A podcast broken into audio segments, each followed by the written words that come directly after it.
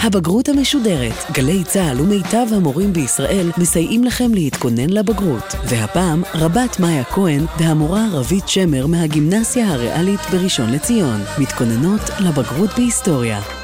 הבגרות המשודרת בגל"צ, היסטוריה. שלום רבית שמר. שלום מאיה. היום אנחנו נדבר על הלאומיות, הגורמים ללאומיות, מאפייני המאבק הלאומי, ואת כל זה נדגים על פי תנועה לאומית אחת, הגרמנית.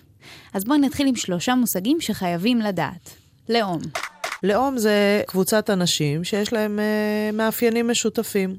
המאפיינים המשותפים האלה מתחלקים למאפיינים uh, אתניים, כלומר מוצא, למשל מאפיינים כמו עבר משותף, היסטוריה, תרבות, שפה, ומאפיינים משותפים פוליטיים, אזרחיים, למשל רעיונות, אידיאולוגיה, ערכים.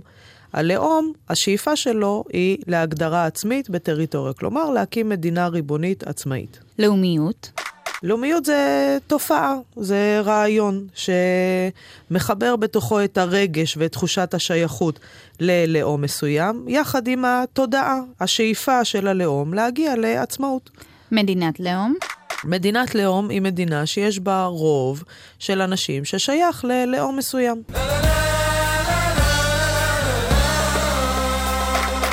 אז במאה ה-19 כמעט כל עמי אירופה מתחילים לפתח את תחושת הקירוב ללאום. הדבר יוצר שינויים רבים ברחבי אירופה, לא? כן, השינויים uh, שיצרה הלאומיות uh, המודרנית uh, במאה ה-19 מתחלקים לנו לכמה תחומים. מצד אחד הלאומיות שימשה כמוקד לתחושת השייכות ולהזדהות של האדם בחברה המודרנית, כאשר המוקדי הזהות הקודמים, כמו למשל הדת, איבדו חלק אה, גדול מכוח המשיכה שלהם, והלאומיות המודרנית הופיעה כמרכיב חדש בזהות של בני האדם. שינוי נוסף זה המסגרות, למשל מסגרת אה, פוליטית. הלאומיות מבקרת על הלגיטימיות של אה, מוקדי הכוח הקודמים, המסורתיים, למשל על המלוכה, האצולה והכנסייה, ודורשת להעביר את הכוח לעם. הלאום שואף אה, לבטא את עצמו באמצעות הקמת מדינה עצמאית. והשינוי האחרון הוא שינוי ממש פיזי במפה המדינית של אירופה. כן, אימפריות רב-לאומיות כלומר אימפריות ששלטו על uh, מיעוטים uh, לאומיים רבים התפרקו, ועל uh, הריסותיהם הוקמו מדינות לאום uh, חדשות. אז בואי נתחיל לשמוע מהם הגורמים ללאומיות. אנחנו יכולים לחלק את זה לכמה קבוצות. אנחנו נתחיל בגורמים רעיוניים. הגורם הראשון בתחום הזה, רעיונות תנועת ההשכלה. תנועה חברתית, אינטלקטואלית, שצמחה במאה ה-17, שמה במרכז את האדם ואת uh, שכלו, את התבונה של האדם ואת uh, הזכויות הטבעיות, חירות ושוויון. תנועת ההשכלה טענה שהאדם צריך להשתמש בשכל שלו כדי uh, לערער, לבקר את הסדר החברתי הקיים ולדרוש uh, שינוי. התנועה פעלה בעצם בניגוד לשלטון המלוכני ולשלטון הכנסייה. בעצם קרתה איזושהי תופעה של חילון. כן, תנועת ההשכלה ורעיונות ההשכלה ביקרו את, ה, את מוסדות uh, השלטון המסורתיים האבסולוטיים, המלוכה והכנסייה, וחלה ירידה בהשפעה של הדת, שבעבר היוותה מוקד זהות וגורם מלכד. וירידה במעמדה של הדת הביא לחיפוש אה, אחר מרכיב זהות אה, חדש. וזו בעצם הלאומיות. הלאומיות נתפסה כדת אזרחית חדשה. ואם אה, תנועת ההשכלה ככה הולכת על המוח של האדם, אז עכשיו באה לנו התנועה הרומנטית. כן, גורם רעיוני נוסף זה התנועה הרומנטית, שהעמידה במרכז את הרגש, את החזרה אל העבר, החיפוש אחר סימנים ייחודיים של אה, קבוצת האנשים, ובעצם התנועה הרומנטית יצרה את הלאום האתני. שמדגיש את המרכיבים הייחודיים לכל אה, לאום, את השפה המשותפת, את העבר, את המנהגים, את הפולקלור. אלו היו הגורמים הרעיוניים, האידיאולוגיים. עכשיו בואי נעבור לגורמים החברתיים-כלכליים. בגורמים החברתיים הכלכליים אנחנו uh, מתייחסים בעיקר למהפכה התעשייתית שהחלה במאה ה-18, שמסמלת את המעבר מכלכלה שמבוססת על חקלאות לכלכלה המונית שמבוססת על מפעלים. אז איך המהפכה התעשייתית השפיעה על הלאומיות? אז פה אנחנו מוצאים כמה השפעות. השפעה הראשונה של המהפכה התעשייתית זה בעצם uh, המעבר מהכפר אל העיר. אנחנו קוראים לזה איור. בעיר יש תחושה של אה, ניכור ובדידות. והאדם צריך למצוא איזשהו אה, מוקד אה, שייכות חדש. אז דווקא כשהאדם מרגיש לבד בעיר, שהוא היה רגיל לכפר הקטן שלו פעם, הוא מוצא את התנועה הלאומית בתור משהו ש... מאפיין אותו. נכון, הלאומיות בעצם היא המוקד הזדהות ושייכות החדש שמחליף את המסגרת המשפחתית, הקהילתית, שהייתה בכפר לפני המהפכה התעשייתית. וקבוצת הגורמים האחרונים הם בעצם גורמים שהם אירועים. האירוע הראשון זה המהפכה הצרפתית, שבעצם אה, יישמה את רעיונות אה, תנועת ההשכלה, מהפכה של העם הצרפתי כנגד המלך האבסולוטי, האצולה והכמורה. זוהי בעצם מהפכה לאומית שחרתה על דגלה לא רק את הסיסמה של חירות, שוויון ואחווה, אלא גם את הרעיון של ריבונות העם. העם הוא זה שצריך לבחור את השלטון שלו. וההצלחה של הצרפתים במהפכה הצרפתית חלחלה בכל רחבי אירופה וגרמה לעמים אחרים להתחיל אה, להעז בעצמם. נכון, מי שהפיץ בעיקר את uh, רעיונות המהפכה הצרפתית היה uh, נפוליאון. נפוליאון uh, שהתמנה לקיסר צרפת בשנת 1804 יוצא למסעות מלחמה וכיבושים כדי לשחרר uh, עמים כבושים מהשליטים האבסולוטיים שלהם ולהפיץ את uh, רעיונות המהפכה הצרפתית. אז איך זה משפיע בעצם על uh, צמיחת הלאומיות? כיבושי נפוליאון קודם כל מפיצים את רעיונות המהפכה הצרפתית שהם רעיונות לאומיים, ובעקבות הפצת הרעיון הלאומי, עמי אירופה מתחילים להתעורר. אבל עד מהרה נפוליאון התגלה בעצמו כשליט מנצל ומדכא, ואותם עמים שנפוליאון כביכול בא לשחרר אותם, מתחילים uh, להתנגד לשלטונו, מתחילים ל- ל- להתגבש ולחזק את הזהות הלאומית שלהם. אז כשהעמים מרגישים כבושים ומדוכאים, הם מוצאים את הלאומיות שלהם ופורצים החוצה. כן, הם, הלאומיות זה בעצם הגורם המגבש, המאחד. ומדגיש את הייחודיות של כל אה, לאום לעומת אה, לאום אחר. אז בואי נשמע עכשיו על אה, גל מהפכות אה, שקרה ב-1848, אביב העמים. 60 שניות על אביב העמים. בשנת 1848 פרצו ברחבי אירופה שורה של אירועים לאומיים שזכו לכינוי אביב העמים. גל של מהפכות ומחאות ציבוריות שפרץ בהשראת תופעות הלאומיות שהופצה באותה התקופה בין עמי אירופה, אשר היו כבושים על ידי שלטון זר או על ידי שלטון מדכא. העמים שפעלו במהלך אירועי אביב העמים שאפו לריבונות העם, זאת על ידי הכפפת השלטון לערכים הליברליים. לעמים הכבושים הייתה מטרה נוספת, לסלק את השלטון הזר ולהקים מסגרת מדינית שתיתן ביטול לזהות האתנית של האוכלוסייה המקומית. האירועים הביאו לידי ביטוי את שני היבטיה של התפיסה הלאומית, ההיבט הליברלי וההיבט האתני. האירועים החלו באיטליה, ומשם התפשטו לצרפת, שבאותה התקופה נשלטה על ידי מלך, ומשם לארצות נוספות באירופה, בריטניה, בלגיה, שווייץ, האימפריה העות'מאנית והקיסרות האוסטרית. אז בואי נסכם את הגורמים ללאומיות. הגורמים, אה, חילקנו אותם לשלושה סוגים. גורמים רעיוניים, שזה הרעיונות של אה, תנועת ההשכלה, ומנגד התנועה הרומנטית. אירועים שהתרחשו והשפיעו על uh, ההתעוררות הלאומית באירופה, כמו המהפכה הצרפתית וכיבושי נפוליאון, וגורמים חברתיים כלכליים, שזו המהפכה התעשייתית, שבעצם השפיעה על צמיחת הלאומיות, לא רק uh, בזכות תהליך uh, האיור, אלא גם המצאות חדשות שקיצרו מרחקים וסייעו להפיץ את uh, רעיונות הלאומיות במהירות רבה יותר.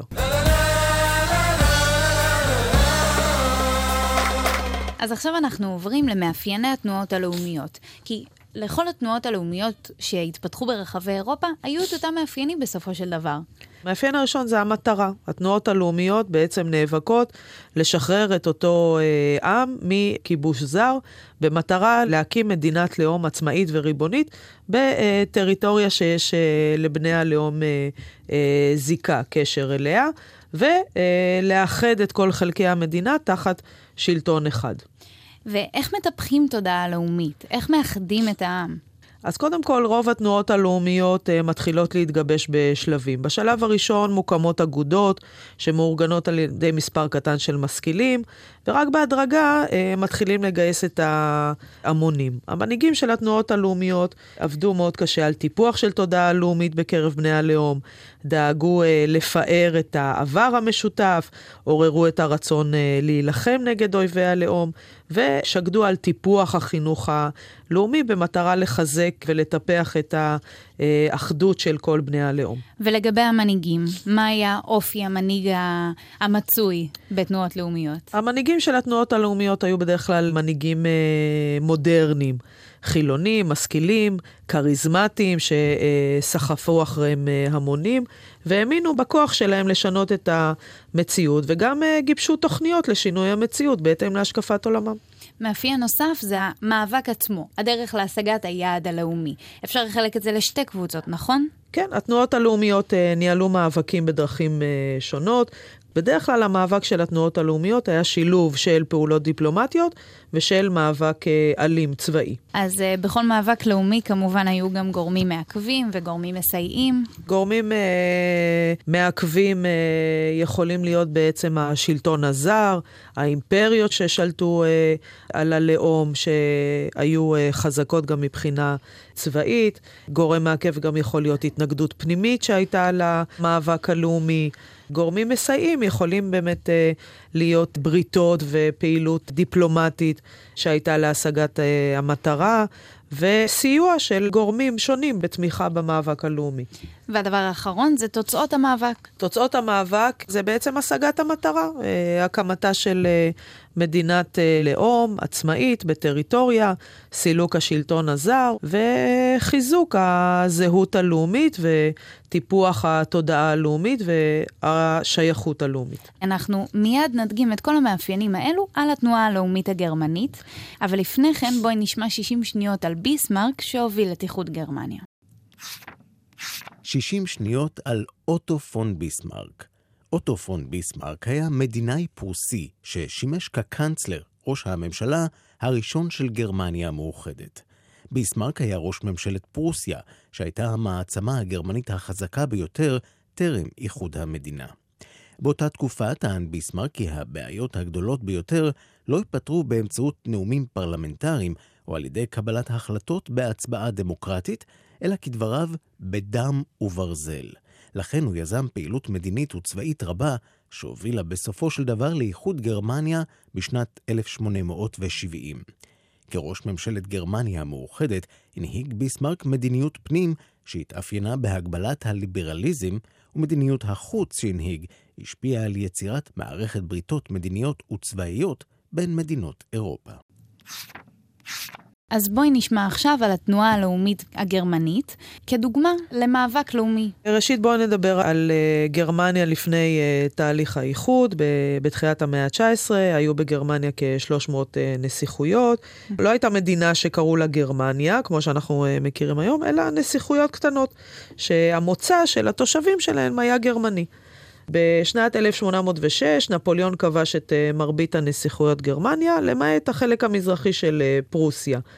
ואיחד אותן לכ-40 מדינות גדולות יותר, תחת שלטון צרפת. הגרמנים התנגדו בחריפות לכיבוש הצרפתי והחלו לפתח uh, תודעה לאומית, שנשענה בעיקר על uh, זרם הרומנטיקה שהזכרנו אותו uh, מקודם, כאשר הגרמנים חקרו את העבר שלהם והדגישו את המוצא המשותף ואת ה... המאפיינים האתניים המשותפים להם, כגון שפה, היסטוריה ומנהגים. אז למאבק הגרמני היו שתי מטרות יעד. המטרה הראשונה הייתה קודם כל אה, לסלק אה, את השלטון הזר, והמטרה השנייה הייתה לאחד את כל אה, חלקי גרמניה למדינה אחת ריבונית עצמאית. אז בואי נדבר על שלבי המאבק. שלבי המאבק. תחילת המאבק לאיחוד גרמניה אה, התחיל ב-1848, באביב העמים. היה ניסיון ראשון לאחד את גרמניה מלמטה. הובילו אותו אה, כוחות אה, ליברליים בערים, הם כינסו פרלמנט בפרנקפורט במטרה להביא לאיחוד גרמניה. הפרלמנט הציע את השלטון אה, למלך פרוסיה, אבל אה, הניסיון הזה נכשל. המלך דחה את ההצעה. בנוסף לכך, הכוחות הליברליים, הבורגנים המשכילים, לא הצליחו לגייס את ההמונים. אז ככה הם הבינו שהמאבק הלאומי צריך להיות מלמעלה. פה נכנס לתמונה אה, ביסמרק, שהתמנה על ידי המלך הפרוסי לקאנצלר, ראש ממשלה של אה, פרוסיה. פרוסיה הייתה המדינה החזקה מבחינה צבאית וכלכלית מבין אה, מדינות גרמניה. ביסמרק היה בן למעמד האצולה, פוליטיקאי, והוא זה שהוביל את תהליך האיחוד הלאומי הגרמני באמצעות חיזוק הלאומיות.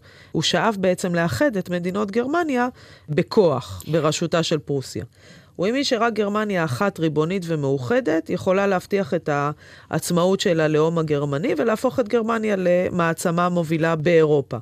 את המאבק הלאומי הוא ינהל בכוח צבאי בלבד, מה שהוא אמר בדם וברזל. אז ב-1866 הוא יוצא למלחמה נגד אוסטריה. הוא יוצא למלחמה נגד אה, אוסטריה, אוסטריה מובסת במלחמה הזאת, ככה ביסמרק יכול אה, לספח בעצם את אה, מדינות צפון גרמניה. השלב הבא במאבק הוא אה, מלחמה אה, נגד צרפת. צרפת אה, חוששת מההתעצמות אה, של גרמניה בראשות פרוסיה, וביסמרק מחפש דרך לגרום לצרפת אה, לאיים על מדינות מרכז ודרום גרמניה, כדי שאותן מדינות יפנו בעצם לפרוסיה לבקשת עזרה ולחתום איתה על ברית. ב-1870 צרפת מכריזה מלחמה על פרוסיה. במהלך המלחמה צבאות גרמניה כבשו את פריז, צרפת נחלה אה, תבוסה משפילה וכואבת, עד שהיא נכנעה בינואר 1871. כך בעצם אה, הושלם תהליך אה, איחוד גרמניה. אז תוצאות המאבק? תוצאות המאבק זה יצירת מדינה גרמנית אחת, קיסרות גרמניה המאוחדת. וילם הראשון, אה, מלך פרוסיה, מוכתר אה, לקיסר הראשון של גרמניה המאוחדת. טקס ההכתרה שלו התנהל בארמון ורסאי שבצרפת, כדי uh, להראות uh, עד כמה הצרפתים uh, נחלו תבוסה uh, משפילה. גרמניה מפרסמת חוקה חדשה, בראש המדינה עומד uh, קיסר. הוחלט שגרמניה תהיה פדרציה, כלומר uh, מדינות שינהלו את ענייני הפנים בעצמן, ושלטון מרכזי שידאג לצד הכלכלי, הביטחוני והמדיני של גרמניה. ועם איחוד גרמניה נוצרה בעצם מדינת ענק. חזקה מבחינה צבאית וכלכלית. אז אחרי שעברנו על כל שלבי המאבק של התנועה הגרמנית, בואי נחזור קצת אחורה ונדבר על הגורמים המסייעים והמעכבים של המאבק הלאומי הגרמני. אז uh, נתחיל בגורמים מסייעים. קודם כל ביסמרק, עם המדיניות הדיפלומטית שלו, ברית צבאית שהוא כרת uh, עם אוסטריה uh, המתחרה, השימוש בכוח הצבאי של רוסיה זה הגורם המסייע השני. ביסמרק טען שאיחוד גרמניה יושג בדם וברזל, כלומר בכוח צבאי, אלים, ובאמת ביסמרק הצליח לבסס צבא פרוסי חזק ומחומש, שבאמצעותו הוא כבש שטחים ואיים על uh, מתנגדים. והגורם המסייע השלישי זה הלאומיות הגרמנית.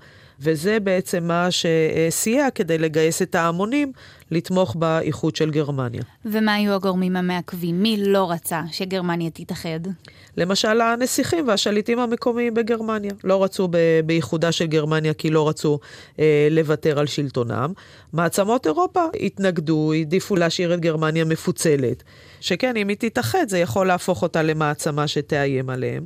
אוסטריה שהתנגדה כי היא התחרתה בפרוסיה על הבכורה בגרמניה, היא רצתה לשמור כמובן על העליונות שלה, וזהו.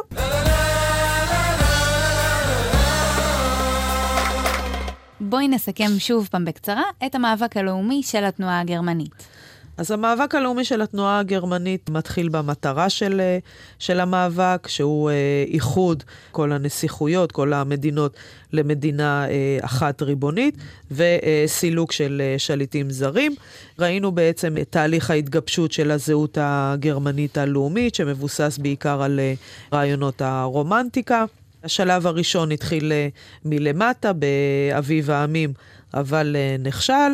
השלב השני היה אה, מלמעלה, אה, על ידי אה, ביסמרק, שהוביל את המאבק אה, בכוח אה, צבאי, בדם וברזל, עד אה, השגת המטרה, שבעצם השלמת אה, איחוד גרמניה, הקמת אה, קיסרות גרמניה המאוחדת, שבעצם משלבת משטר ישן וחדש שמורכב משלטון קיסרי ריכוזי ופרלמנט ייצוגי בעל סמכויות מוגבלות.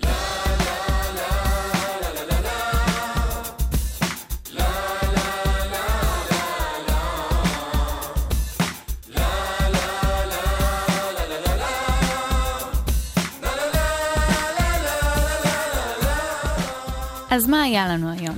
היום למדנו על אה, הלאומיות אה, באירופה, שהחלה במאה ה-19.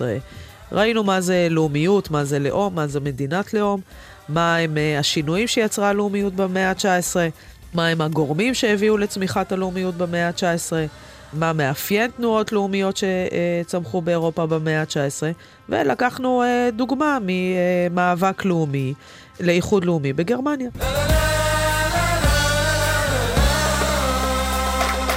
תודה רבה, רבית שמר. תודה רבה, מאיה. תודה לטכנאי ההקלטה, עדי שמרקין, עד כאן הבגרות המשודרת בהיסטוריה. אפשר להזין לעוד פרקים בהיסטוריה ולתוכניות במקצועות נוספים באתר גל"צ, ביוטיוב וביישומון גל"צ גלגלצ. אם אתם רוצים להיות בטוחים שלמדתם את השיעור כמו שצריך, אתם מוזמנים לענות על השאלון באתר שלנו. בהצלחה בבחינה, ולהתראות.